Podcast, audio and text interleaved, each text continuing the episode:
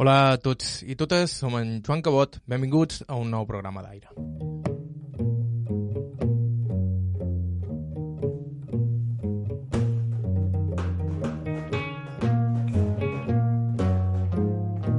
Si hi ha una cosa que ens encanta als periodistes és escoltar batalletes d'altres periodistes, especialment si són periodistes de guerra o corresponsals. I Miguel Frau Rovira, Miguel F. Rovira, que és com signava les seves cròniques, ha estat totes dues coses. Amb 61 anys i de nou a Mallorca, és ara el director de la delegació de l'agència F a les Illes. Però per a ell l'exili és això, haver hagut de tornar a on va néixer i d'una vida increïblement reposada per algú que va ser durant dècades un dels periodistes més actius per aquesta mateixa agència al sud-est asiàtic. Qui tenim davant ha cobert la guerra d'Iraq, la de Pakistan, la guerra civil de Cambodja, la caiguda del president Suharto i va ser el que va destapar els papers falsos de Laos, una de les trames paral·leles de tot l'escàndol de Luis Roldan. Un final inesperat per algú que havia estat un mal estudiant, fill d'una família acomodada de Palma, els pares del qual es varen prendre amb bastanta fleuma que el seu fill, de 20 i pocs anys, hagués decidit partir a viure a la Índia. Recuerdo que una de las palabras suyas fue eh, si tú mismo te buscas la vida, quizá cambies. Fue al, algo así. No se lo tomaron demasiado mal. Lo que pasa es que yo tardé muchísimos años en dar, en dar señal de vida. Yo prácticamente eh, no volví a ver a mis padres hasta pasados 14 o 15 años. Yo la primera vez que regresé a, a España fue en 1999, 1999 con motivo de que me eh, concedieron el premio Ortega y Gasset. Mis padres, naturalmente, fueron a verme a Madrid en el acto de confesión. Mantenía contacto con cartas, con cartas, o sea, cartas que, que eran tres, cuatro folios.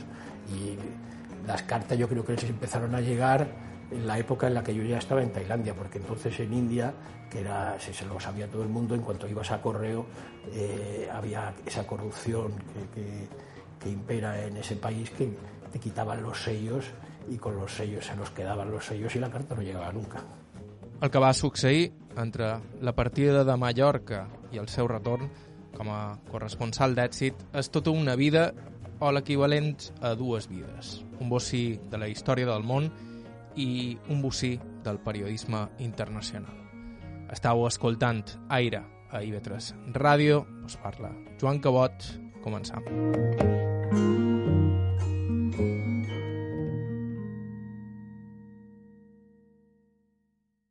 Aquest és Miguel Frau, nascut el 1959 a Palma. Bueno, yo soy Miguel Frau Rovira, tengo ahora ya 61 años.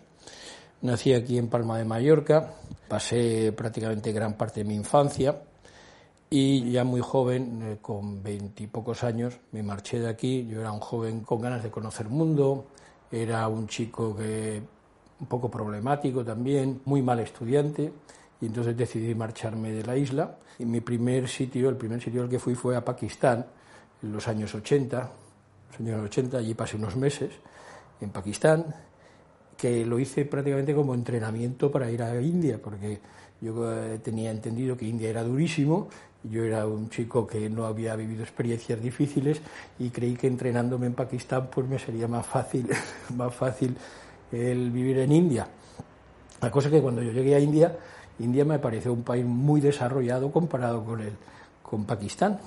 Allí pasé una, una temporada, estudié hindi en la Universidad de Benarés, no porque me interesara el hindi, sino porque en aquella época, eh, como ahora seguramente, si no tenías un visado de estudiante, no podías seguir viviendo en la India. Así que me matriculé, estudié hindi, me sirvió y luego ya me, me, me cansé de la India. Me pareció un país agotador, muy bonito, pero muy agotador, y me marché a Sri Lanka, que es un país más tropical.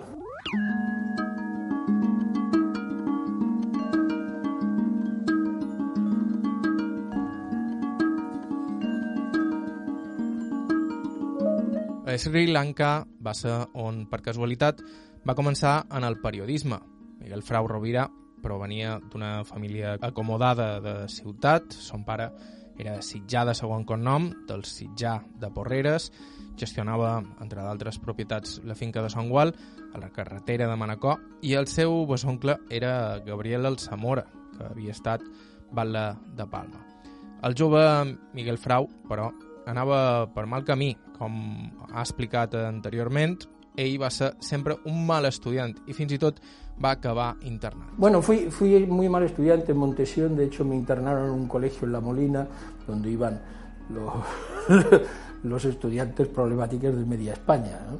Y allí pues pasé el bachillerato hasta que mi padre falleció y entonces mi madre nos hizo regresar, no solo a mí, sino a mí, a mí y a mi hermano, a Palma de Mallorca para estar con ella. Era un colegio en el que tenía mucha importancia el esquí.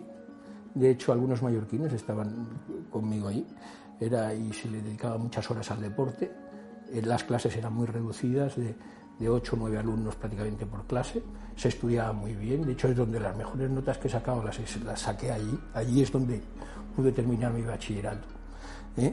Y, y, me gustó, la verdad es que la experiencia me gustó. Yo vine con pena aquí a hacer el, el COU, que ja de nuevo volví a suspenderlo. Jo crec que lo hice dos veces o tres. Quan tenia poc més de 20 anys, Miguel Frau va prendre una decisió dràstica. Volia anar a viure a la Índia. Sobretot perquè aquell país tenia fama de ser un lloc barat. Ser periodista ni tan sols se li havia passat pel cap. Era un joven problemático, inquieto, y no, no sabía a qué me podía dedicar, no tenía ganas de estudiar. Y tenía unos ahorrillos, unos pequeños ahorrillos, y dije, bueno, yo creo que estos ahorrillos igual eh, puedo vivir en otro país. Y luego también era muy soñador.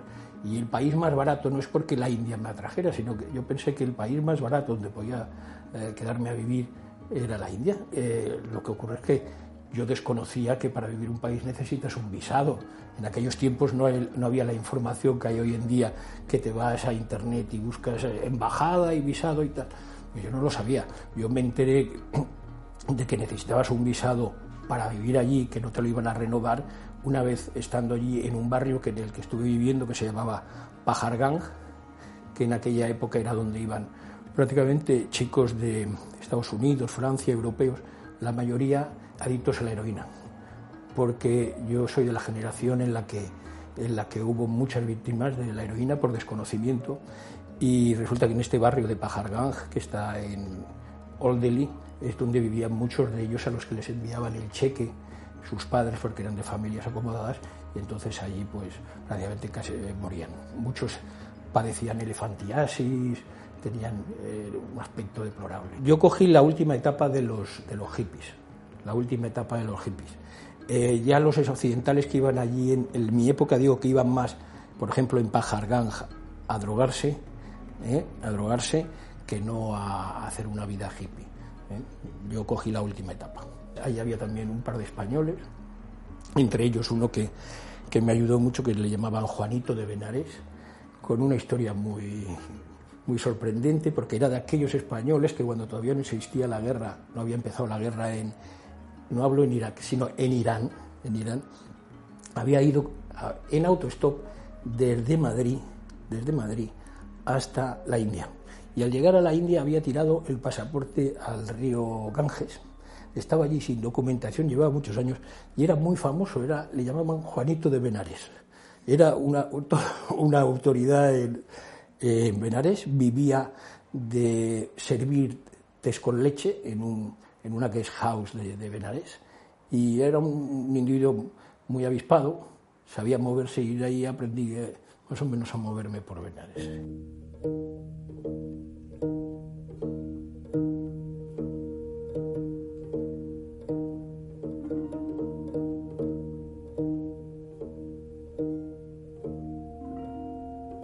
Abans de la Índia, però, Miguel Frau s'havia estat aclimatant un temps a Pakistan. La primera i incoherent aturada d'una aventura que s'allargaria durant dècades. Pakistán yo recuerdo mi, mi llegada. Mi llegada, yo la recuerdo, llegué un avión de estos enormes, enormes. Recuerdo que en el asiento que yo iba sentado iba un italiano. Yo ya digo que no había viajado nunca por Asia, había viajado con mis padres por Europa, algún viaje solo con algún amigo, pero vamos a Asia nunca. Recuerdo la llegada que, que había estado hablando con un ingeniero italiano que estaba trabajando en Pakistán en un, haciendo un, un, embalse, un embalse. Y en cuanto abrieron las puertas del avión, que era una escala, era una escala eh, de un avión de la Swissair, de la Swissair, vi a un montón de coches con las luces giratorias y aquellos policías que van todavía hoy en día de beige con los AK, con los las ametralladores, esos bigotes, etcétera, que tenía un aspecto pésimo. Y entonces le pregunté, ¿cuál es el mejor hotel de Karachi? El mejor hotel de Karachi era el Hotel Holiday Inn. Me albergué allí a pesar que yo tampoco tenía mucho dinero, pero es que me dio miedo realmente. ¿eh? y, y yo pensé, ¿dónde me he metido? Y recuerdo que desde el hotel veía a los cuervos, yo no había visto nunca cuervos, comiendo en la basura. ¿eh? Y salía el primer día, primer día yo noté que todo el mundo me miraba. En aquella época, estoy hablando principios de los 80, no había occidentales en Karachi. ¿eh? No había, recuerdo Karachi, no había cristales en los edificios, las cabras subidas encima de los generadores de la electricidad, montañas de basura por todo. Y el segundo o tercer día fui perdiendo el miedo. Vi que, nadie me comía, nadie me, hacía nada, eso sí me miraba mucho y ya sí gradualmente fui perdiendo el miedo.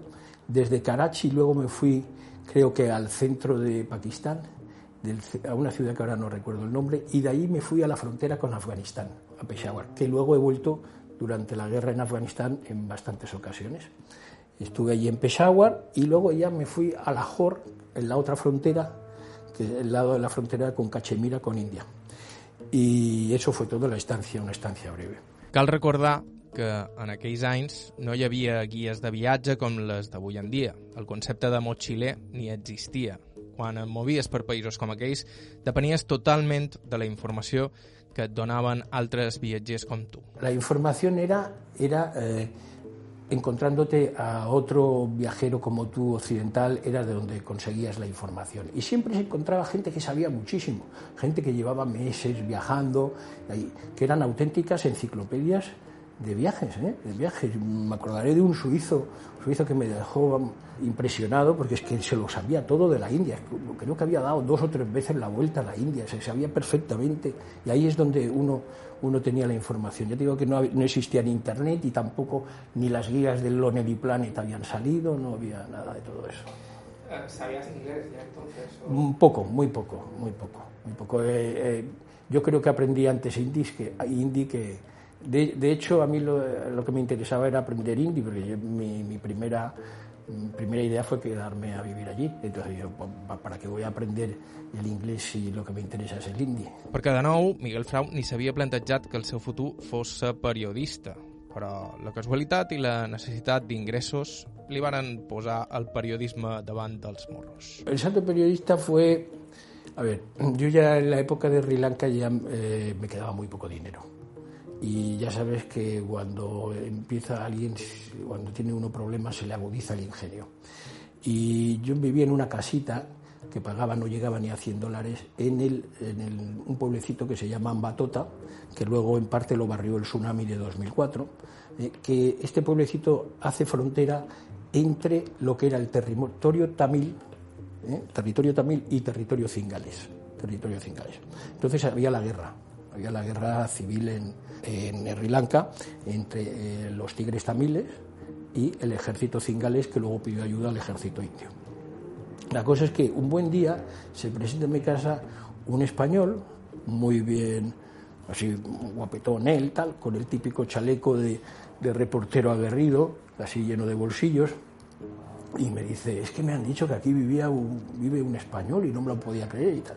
Yo al ver un español, pues inmediatamente lo invité a mi casa, se quedó en mi casa dos días, me contó unas historias impresionantes que me dejaron los ojos abiertos. Y yo tenía una motillo y le dije, yo si quieres, si quieres, porque me interesaba mucho además ver lo que hacía y eso, te llevo al norte de Sri Lanka, a la península de Jaffna, porque ya he estado varias veces, te llevo y te enseño el territorio tamil. Me dijo, sí, estupendo.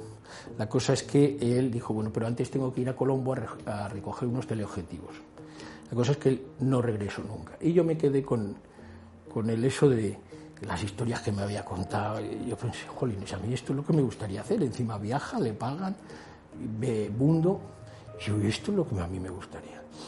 Y compré, encontré una revista que se llamaba Asia Week y allí venía el nombre del corresponsal que se llamaba Dominique, que luego fue presidente del club corresponsales en Tailandia, ¿eh?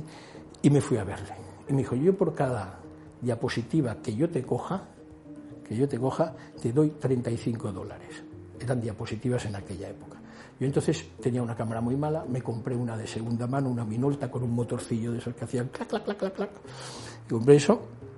Y él era también el corresponsal de Associated Press. Y en eso empecé a hacer fotos. Empecé a hacer fotos. Hay la fortuna del, del principiante mezclado con, yo que sé, el desconocimiento, la insensatez. Y me salieron pues algunas fotos, fui viviendo de ello, hasta que, como ocurre en todas las guerras, las guerras al principio pues, se venden fotos, luego ya no les interesa a nadie. Y por aquella época resulta que estaba la guerra civil en Camboya. Yo a través de la embajada de Cuba, embajada de Cuba en Nueva Delhi, conocí a un diplomático cubano en Sri Lanka y me dijo que podía conseguirme un empleo en el ministerio, entonces era en francés, de Post y de las tele, eh, Post and Telecommunications, ¿no? correos y telecomunicaciones. Y dije, esto es estupendo, si me consigue un visado para ir a Camboya y además AP me deja hacer unas fotos, pues ya, ya, está. La cosa es que me fui allí a trabajar a Phnom Penh. Yo no había oído hablar de Camboya, ni sabía la historia de Camboya, no sabía nada. La cosa es que nunca pude enviar una foto a Associated Press, nunca. ¿Por qué? Porque lo que yo no sabía es que íbamos a estar confinados. Los nueve meses que me pasé en Phnom Penh, con otros extranjeros, no nos dejaban salir de Phnom Penh porque estaba la guerra fuera de la ciudad. Y aparte era, estábamos bajo la invasión vietnamita, quienes gobernaban en aquellos momentos Camboya eran los vietnamitas. Entonces nunca pude enviar una foto. Pude hacer, pero enviar nunca. En total, que a los ocho o nueve meses, pues salí de Phnom Penh, muy decepcionado, y me fui a Bangkok, y allí intenté ganarme la vida como fotógrafo de nuevo pero era imposible. En Bangkok, en aquella época y hoy en día, estaban las delegaciones para el sudeste de Asia de Associated Press, de Reuters, de France Press, con unos fotógrafos con unos teleobjetivos enormes, con recursos, con conocimiento de la frontera, con conocimientos de profesionales de la fotografía, que yo era más que un amateur. Entonces, lo dejé, lo dejé. Hasta que un buen día empecé a escribir cosas para el diario ABC y me fui a Phnom Penh, fui a Phnom y allí en Phnom Penh, en una rueda de prensa, me encontré con Juan Gernárez, Juan Gernárez del diario El País, con Luna del diario La Vanguardia y con el que luego fue mi jefe en, jefe en F, que se llamaba Josep Bosch. Entonces yo me acerqué a ellos, les pregunté si eran españoles, ellos vieron que yo hablaba algo de Hemer, que conocía Phnom Penh y me ficharon como stringer, como intérprete y guía y me daban 50 dólares al día, 50 dólares al día y me invitaban a comer, lo cual a mí me veía muy bien y de paso además aprendí cómo era el trabajo periodístico, porque yo no tenía idea. Yo les vi lo que preguntaban, cómo se movían, lo que interesaba, lo que no me interesaba, y estuve 10 o 15 días con ellos, y así fue más o menos como me inicié en, en el periodismo. Sense cercar-la, Miguel Frau Rovira havia trobat una vocació. I a partir de llavors vindrien uns anys replets de mambo. Estau escoltant Aire a IB3 Ràdio, fem una breu pausa i continuem. Hola de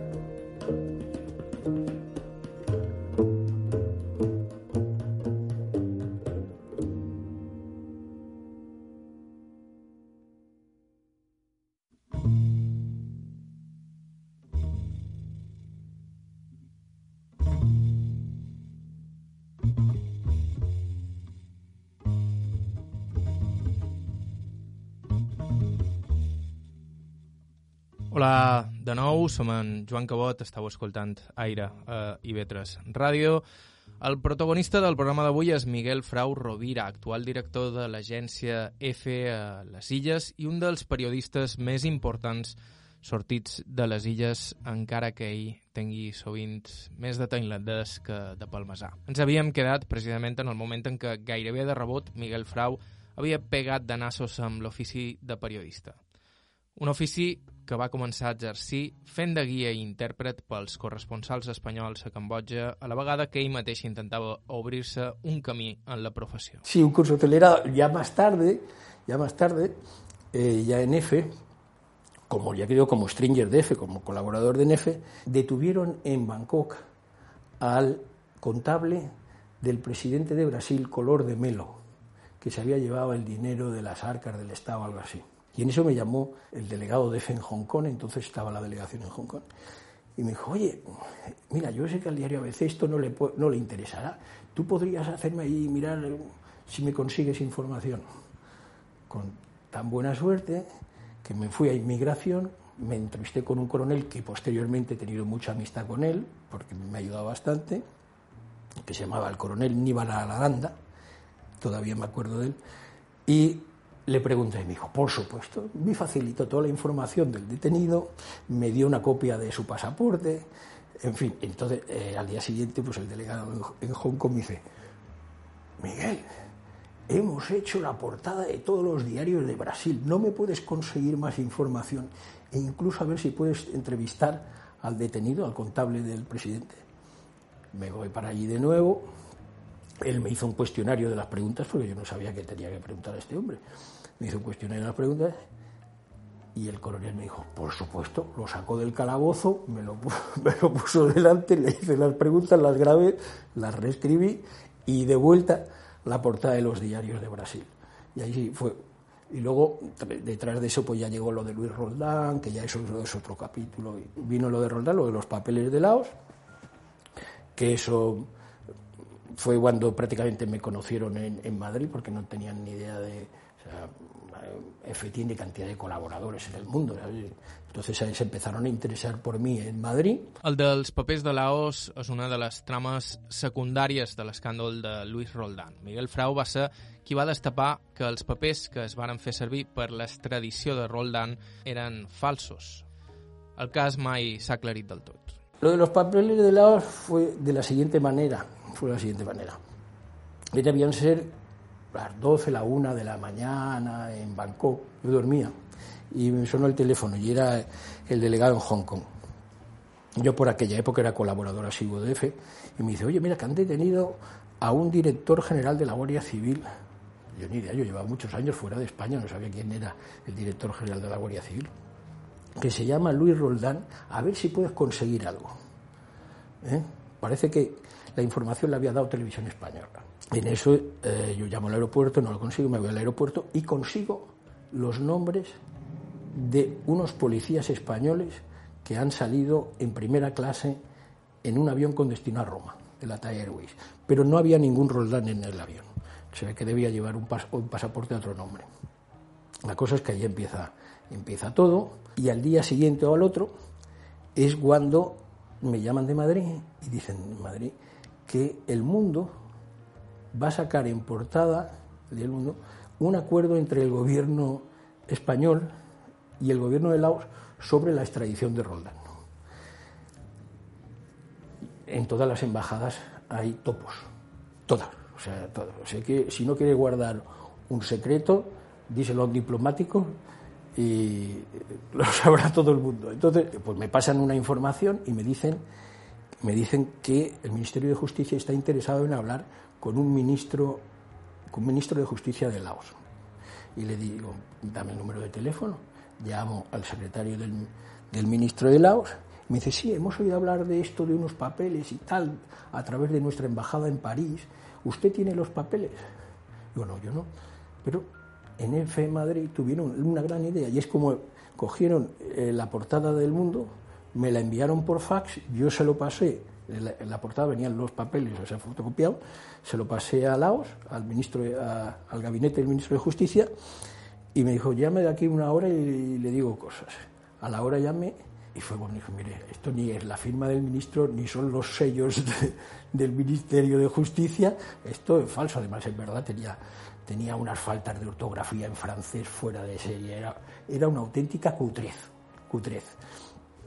Y ahí fue todo donde todo arrancó, vamos. Luego ya pues hubo más investigaciones sobre dónde habían estado los policías, en qué hotel se habían alejado, alojado, si realmente Roldán había estado en Laos o no había estado, es algo que, es muy difícil de saber. Luego ya vino, quizá más importante, vino la, caída del, general Sujarto, que lo cubrí y además muchas de las cosas que he cubierto las he cubierto que no me tocaban a mí, que ha sido por, por, por porque por suerte o una cosa. En aquella época estaba Indonesia así con disturbios porque había la crisis, la crisis económica del sudeste de Asia y había disturbios. Y la que teníamos de colaboradora en Indonesia se había ido de viaje eh, con su marido. Y en eso hay una manifestación, matan a dos o tres estudiantes y el delegado me dice, oye, ¿por qué no te acercas a Yakarta? La cosa es que me sorprendieron me sorprendieron los disturbios que causaron la caída del general Suharto, 1.800 muertos en, apenas tres días. Y yo que no tenía mucha experiencia, eh, fue, ha sido el primer sitio donde me he bloqueado a la hora de escribir. tenía tanta información, había visto tantas cosas, tanta violencia, tenía tantas escenas metidas en la cabeza, porque la, gente que se que le llamamos saqueadores, ¿no? La gente que, que, no, no, era manifestación, aquello era alborotadores, etcétera, quemaban los edificios, quemaban los edificios con la gente dentro, y la mayoría eran de la etnia china, que es la que controlaba la economía de Indonesia y la de la mayoría de los países del sudeste de Asia. Entonces tenía todas esas escenas metidas en la cabeza. Y cuando por la noche me tuve que sentar a, a escribir la pieza grande, la de 800 palabras, no podía, es que no podía, no podía porque no sabía por dónde empezar. Yo creo que ha sido, teniendo tanta información, ha sido la vez que peor he escrito. En F, por lo menos en la época que yo cubría todas estas cosas, sabías cuándo te ibas de casa, pero nunca sabías cuándo ibas a regresar.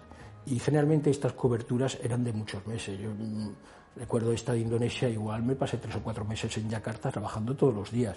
Además, una agencia de noticias no es como un diario. En un diario, pues una información dura una semana y luego desaparece. En una agencia de noticias, cuando ocurre un hecho muy relevante, se hace un seguimiento que puede durar meses, aunque no se publique en ningún medio de comunicación, pero el seguimiento se sigue. Entonces, detrás de eso de Indonesia ya vino otro, otro evento que tampoco me tocaba, eh, me tocaba cubrir, que fue la independencia de Timor Oriental lo que ocurrió que enviaron un compañero mío de Australia que estaba más cerca, le encañonaron en la cabeza, se asustó y pidió ser relevado antes, de, antes del referéndum. Fui yo, y ya me tocó todo el referéndum, el saqueo, los incendios y, en fin, hasta la evacuación. Y lo bueno fue que una semana de ser evacuados mi compañero del país, Javier García y yo, a la semana siguiente tuvimos que regresar porque nuestros respectivos medios nos pidieron regresar a Timor Oriental junto a Rosa María Calaf, que es una periodista de televisión, una ex periodista veterana de televisión española. Recuerdo que acampamos en un parterre detrás del hotel donde nos habíamos alojado, que lo habían incendiado y saqueado. Allí pusimos nuestras tiendas de campaña, comida que nos habíamos traído en un avión, comida, agua, etcétera, baterías para los ordenadores, baterías para los móviles, porque tampoco confiábamos en tener luz. Y allí acampamos en el parterre y estuvimos acampados, pues igual tres o cuatro semanas en el parterre, hasta que dimos con la casa del, del, párroco de Dili, ¿eh? del párroco de Lili, y eh, unos compañeros de un diario portugués tumbaron la puerta i nos metimos ahí de ocupes. Però el cop que més estret s'ha vist, el cop que més por ha passat, va ser durant els dies previs a la guerra d'Iraq, quan va decidir creuar il·legalment la frontera de, de Turquia, quan va decidir creuar il·legalment la frontera des de Turquia per arribar a Bagdad. La guerra d'Iraq Yo creo, ha sido el país que ha estado más cerca de Europa, ya me tocó Irak, ¿no? Porque yo Afganistán y luego ya cuando me dijeron la guerra de Irak dije, jolín, pero si ya esto ya es casi Oriente Medio. La guerra de Irak a mí me asignaron, me asignaron cubrir Bagdad, ir a Bagdad, antes de que empezara. Porque, eh, la agencia EFE creó un equipo de cinco personas, de cinco periodistas, y a uno cada uno le asignó.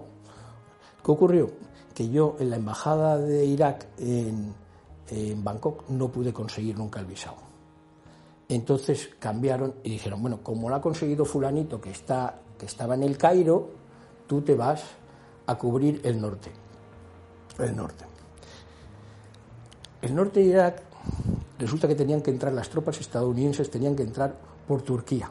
Pero en último momento el Parlamento turco no autorizó el despliegue de tropas estadounidenses en la frontera para invadir Irak por el norte.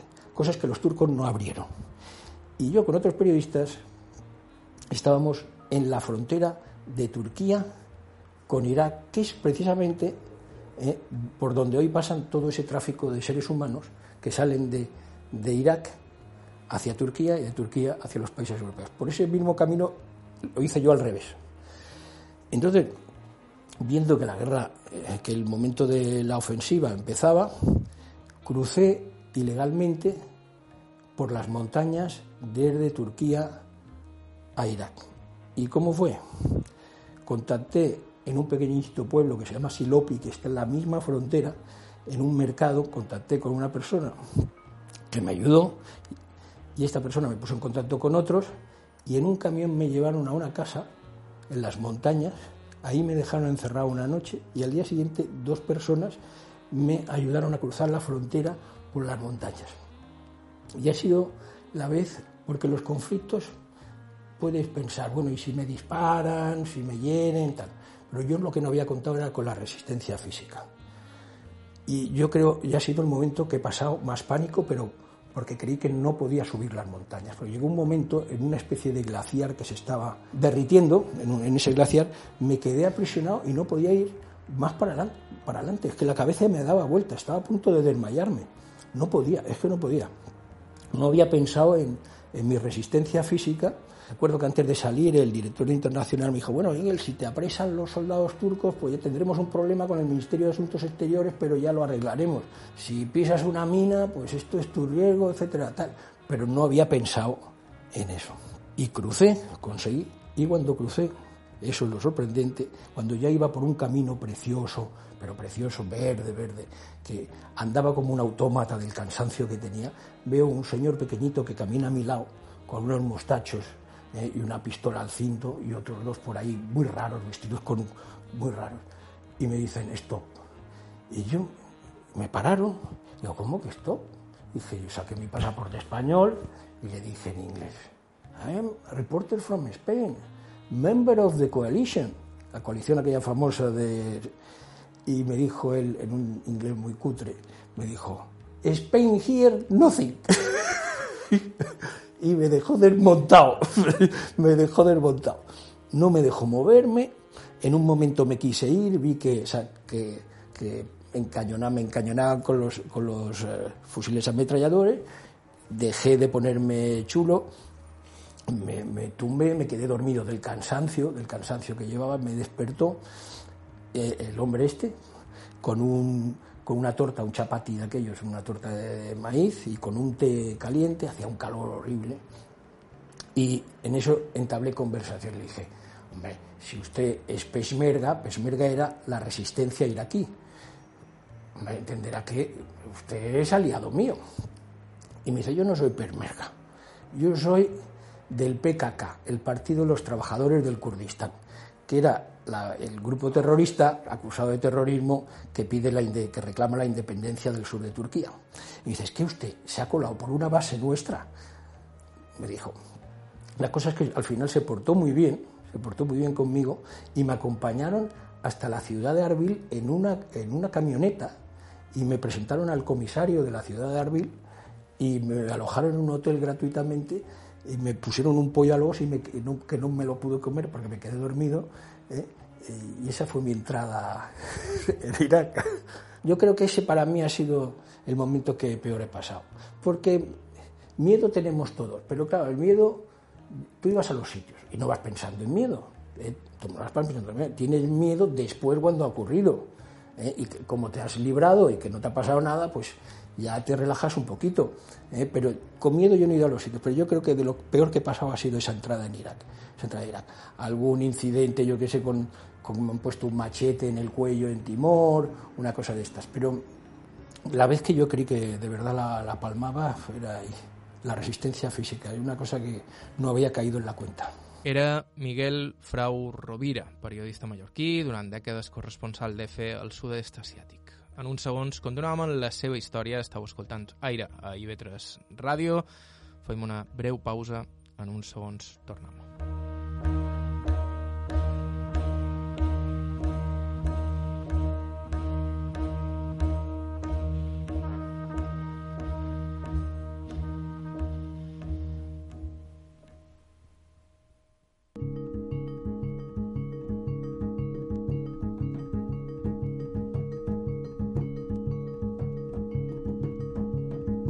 Hola de nou, això és Aire, a IB3 Ràdio, us parla Joan Cabot. Abans de continuar, vos recordam que podeu escoltar aquest programa des del principi i qualsevol dels nostres programes anteriors a ib3.org i ib3alacarta.com i que també vos podeu subscriure al nostre podcast a qualsevol dels serveis habituals. Miguel Frau, el protagonista del programa d'avui, ha viscut bona part de la seva vida al sud-est asiàtic, sobretot a Bangkok. De fet, admet que li ha costat acostumar-se de nou a l'illa i gairebé és més de Tailàndia que d'aquí. Tailandia, Tailandia, ya te digo que cuando salí de Camboya me fui a Tailandia. Y allí, el, Tailandia el primer año me gustó, me gustó porque Tailandia eran los años que, que empezaba el turismo, que empezaba el turismo, había pizzerías, había de todo, había diversión, ocio nocturno tal. El segundo año ya me empezó a cansar un poco. Luego ya, cuando vives en el extranjero, el tercero ya te habitúas, el cuarto ya ni te importa, ni te, ni te va, ni te viene, que es lo que suele ocurrir, ¿no? Ya te anestesias y ya... Y para mí Tailandia pues es mi hogar, porque yo allí he tenido mi primera casa en propiedad, ¿eh? de hecho la mantengo, mi primera casa, allí aprendí el oficio de periodista. Allí tengo mis amigos, mi estómago, mi religión, soy religión budista. En fin, es donde, donde me hice una persona, me he hecho una persona, senté cabeza. Entonces es un país que quiero mucho con todos sus defectos, pero yo lo quiero muchísimo. Me ha costado mucho adaptarme, mucho, he hecho mucho de menos, mucho de menos Asia. Es otra forma de vida. Es otra forma. Es una vida como parece más difícil, pero en realidad es más sencilla, ¿eh? más sencilla. Des d'allà va cobrir moltes de les notícies més importants de la regió al llarg de dècades, de la mort de Pol Pot o la guerra de Birmània. Frau Rovira ha rebut infinitat de premis i reconeixements per la seva carrera, sense anar més en fora, el Premi Ortega i Gasset, un dels més importants que es donen a Espanya. Uns reconeixements que pesen molt més si tenim en compte que ell es va llançar a l'ofici sense cap mena de formació. Jo cuando empecé a escribir para EFE, Cuando empecé, me acuerdo que el delegado me envió un sobre, un sobre marrón que lo guardo en mi casa de Bangkok, en el que hay cinco teletipos, una, una crónica y cuatro teletipos cortos. Y me envió una cartita que me decía, acuérdate de la pirámide, la noticia arriba y luego lo vas desgranando. Yo durante muchos años me levantaba a las 5 o las 6 de la mañana y me entrenaba a escribir. Y empezaba a escribir a las 7 de la mañana y era las 9 de la noche y seguía escribiendo y a base, a base de trabajar y trabajar. Me cogía los diarios, miraba cómo escribían mis compañeros de Reuters, cómo escribían mis compañeros de France Press, de AP, y poco a poco pues fui aprendiendo. Y hay cosas, cosas muy que te contaré. El primer ordenador portátil que yo tuve, que lo fui a buscar a la delegación en Manila, que era de estos así que no tenían programas, ¿sabes? Que escribías ahí. Recuerdo que mi redactor jefe en Manila me dice, oye Miguel, ¿qué es que me paso? Paso el día poniendo tus tildes, los acentos. Y yo digo, es que lo siento, oye, Alfonso, es que lo siento porque es que este ordenador no tiene acentos. No, no era verdad, no es que no tuviera acentos, lo que pasa es que yo no sabía dónde se tenían que poner los acentos. Yo recordaba que camión se iba acentuado, eh, según qué palabras, pero no todas. Entonces ha sido mucho esfuerzo para, para aprender y luego siempre he tenido en cuenta una cosa que mis compañeros enviados especiales de, otro, de otros medios eran muy buenos, eran muy buenos, pero yo tenía una cosa que era el conocimiento del terreno, los contactos, el conocimiento del terreno. Y luego en agencia no es, no es lo mismo que escribir en un diario. En un diario haces mucha literatura. En, en una agencia de noticias lo que quieren es que les envíes información, que envíes información, que esté ordenada, por supuesto, que se entienda y que tenga sobre todo fuentes pero he trabajado mucho y muy duro, ¿eh? muy, muy duro. Ya te digo que fui muy mal estudiante, o sea, desde el oficio que he hecho me atrae la curiosidad, bien entendida, la curiosidad, las aventuras, todo, todo eso lo, lo he vivido con mucha pasión. Yo he dicho que soy una persona muy afortunada, me lo he pasado muy bien, he tenido momentos muy malos, porque ha habido momentos que he estado mal de recursos, porque no siempre he sido de plantilla de F. Ha habido temporadas de mi vida que ganaba 15 céntimos, 15 céntimos por línea. O sea que, vamos, yo no. ¿eh? Pero me he esforzado mucho, me he esforzado. Cuando me enviaron la primera vez fuera del sudeste de Asia a la zona de Afganistán. Yo sabía que iba a competir, o que iba a competir, o que, que iba a tener allí a los mejores de otros medios de comunicación. ¿eh? Pero me levantaba a las 5 de la mañana, en cuanto se levantaba el, toque de queda, y me, me iba a trabajar, y me iba a buscar información. Yo viví la época en la que todavía el periodismo no estaba encorsetado ni había todos esos equipos de prensa que te quieren dirigir la información. Yo empecé a notar los cambios en internacional a partir de los atentados de las Torres Gemelas. Ahí fue el momento en el que cambió todo. Antes de eso yo me acuerdo cumbres de Asia con Europa o cumbres de, primeros ministros, de jefes de Estado, ¿eh? que nos ponían, por ejemplo, en los hoteles en donde se celebraba, en Yakarta o en Bangkok, donde sea, nos ponían ahí unas cuerdas, las cuerdas hechas para que no pasáramos, pasáramos, pero podíamos sacar la grabadora y decirle al primer ministro chino que nos hicieran las declaraciones y prácticamente podíamos tocarlo con el brazo. Hoy en día es que ni los ves. Te meten en ruedas de prensa, aislado, y te van pasando comunicados y te a las ruedas de prensa.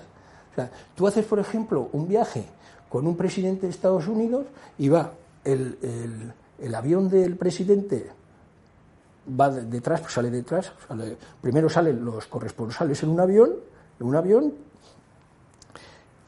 te meten en un hotel, los de comunicación de la Casa Blanca montan la sala de prensa y te van repartiendo los comunicados. Al presidente de Estados Unidos no lo ves en todo el viaje.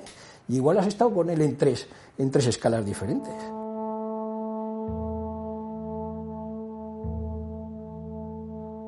En España hay muy poca vocación de periodismo internacional.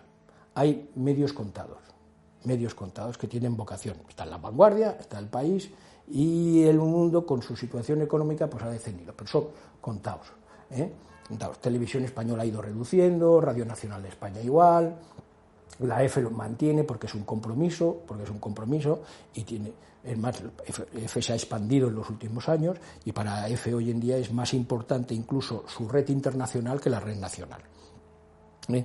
Entonces, ya te digo que hay poca vocación y tampoco ves a los jóvenes muy interesados en salir.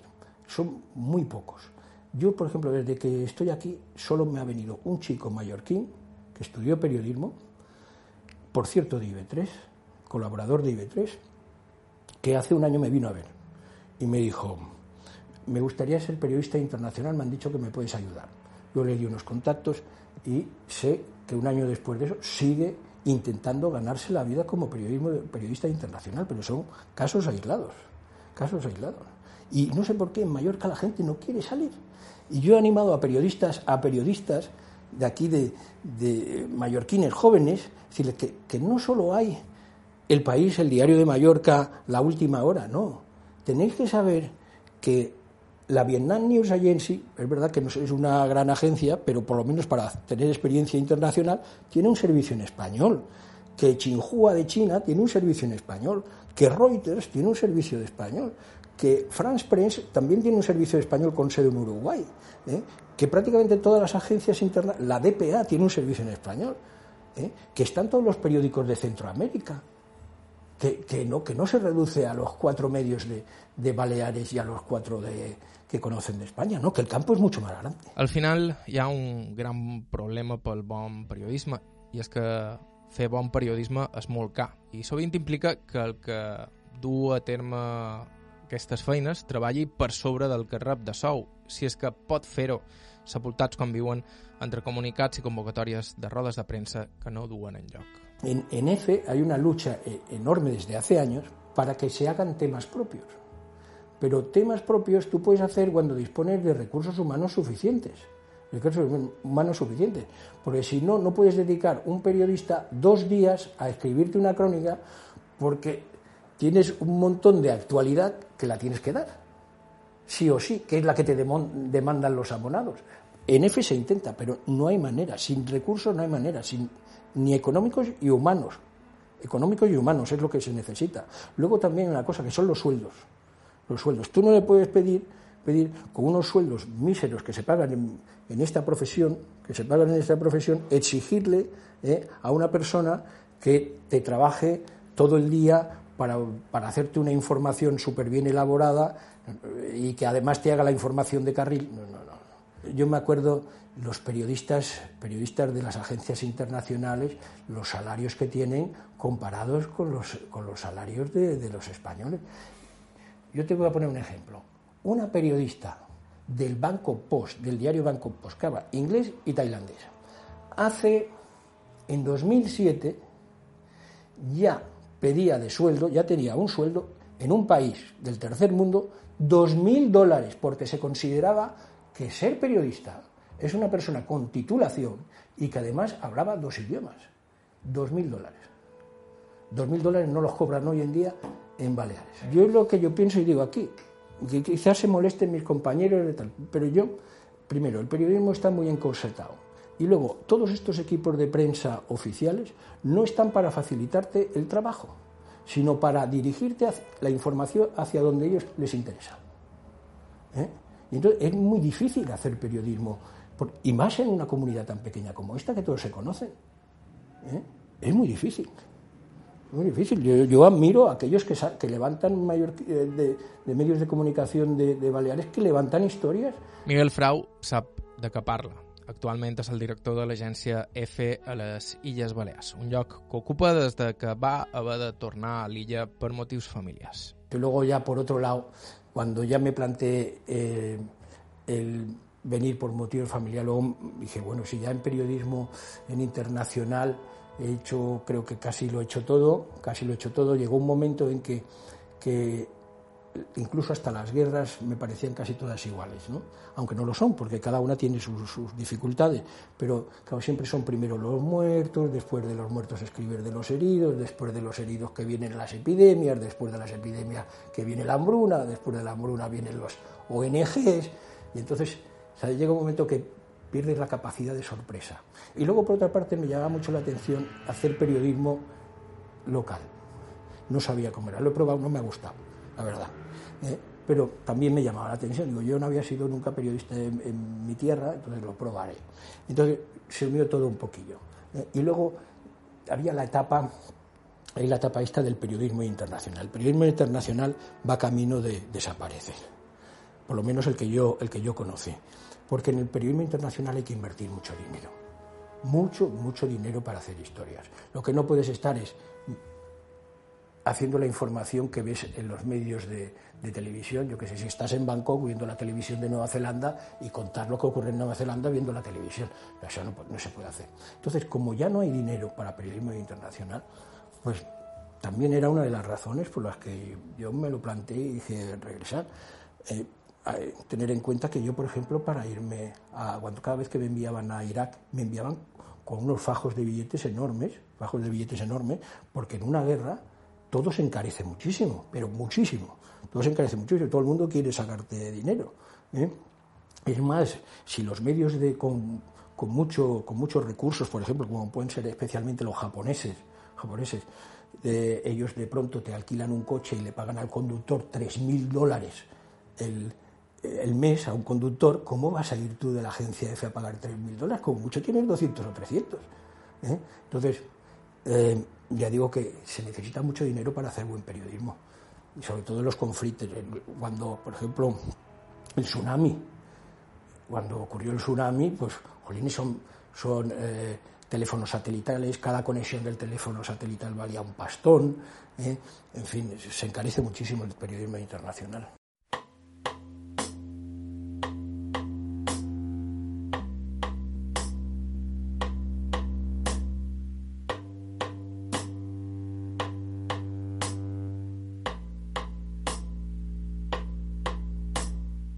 Escoltat Aire a IB3 Ràdio. Moltíssimes gràcies a Miguel Frau Rovira pel seu temps i amabilitat. La música que ha sonat en el programa d'avui ha estat de Joshua Abrams i Hearts and Minds. Podeu escoltar aquest i tots els nostres programes anteriors a ib3.org i ib3alacarta.com i també vos podeu subscriure a Aire, a Apple Podcast o a qualsevol servei similar. El nostre correu electrònic és aire arroba ib3radio.com. Bàrbara Ferrer a la producció executiva, direcció, guió, edició d'àudio i locució a càrrec de jo mateix, Joan Cabot. Gràcies per ser a l'altre costat i fins la setmana que ve.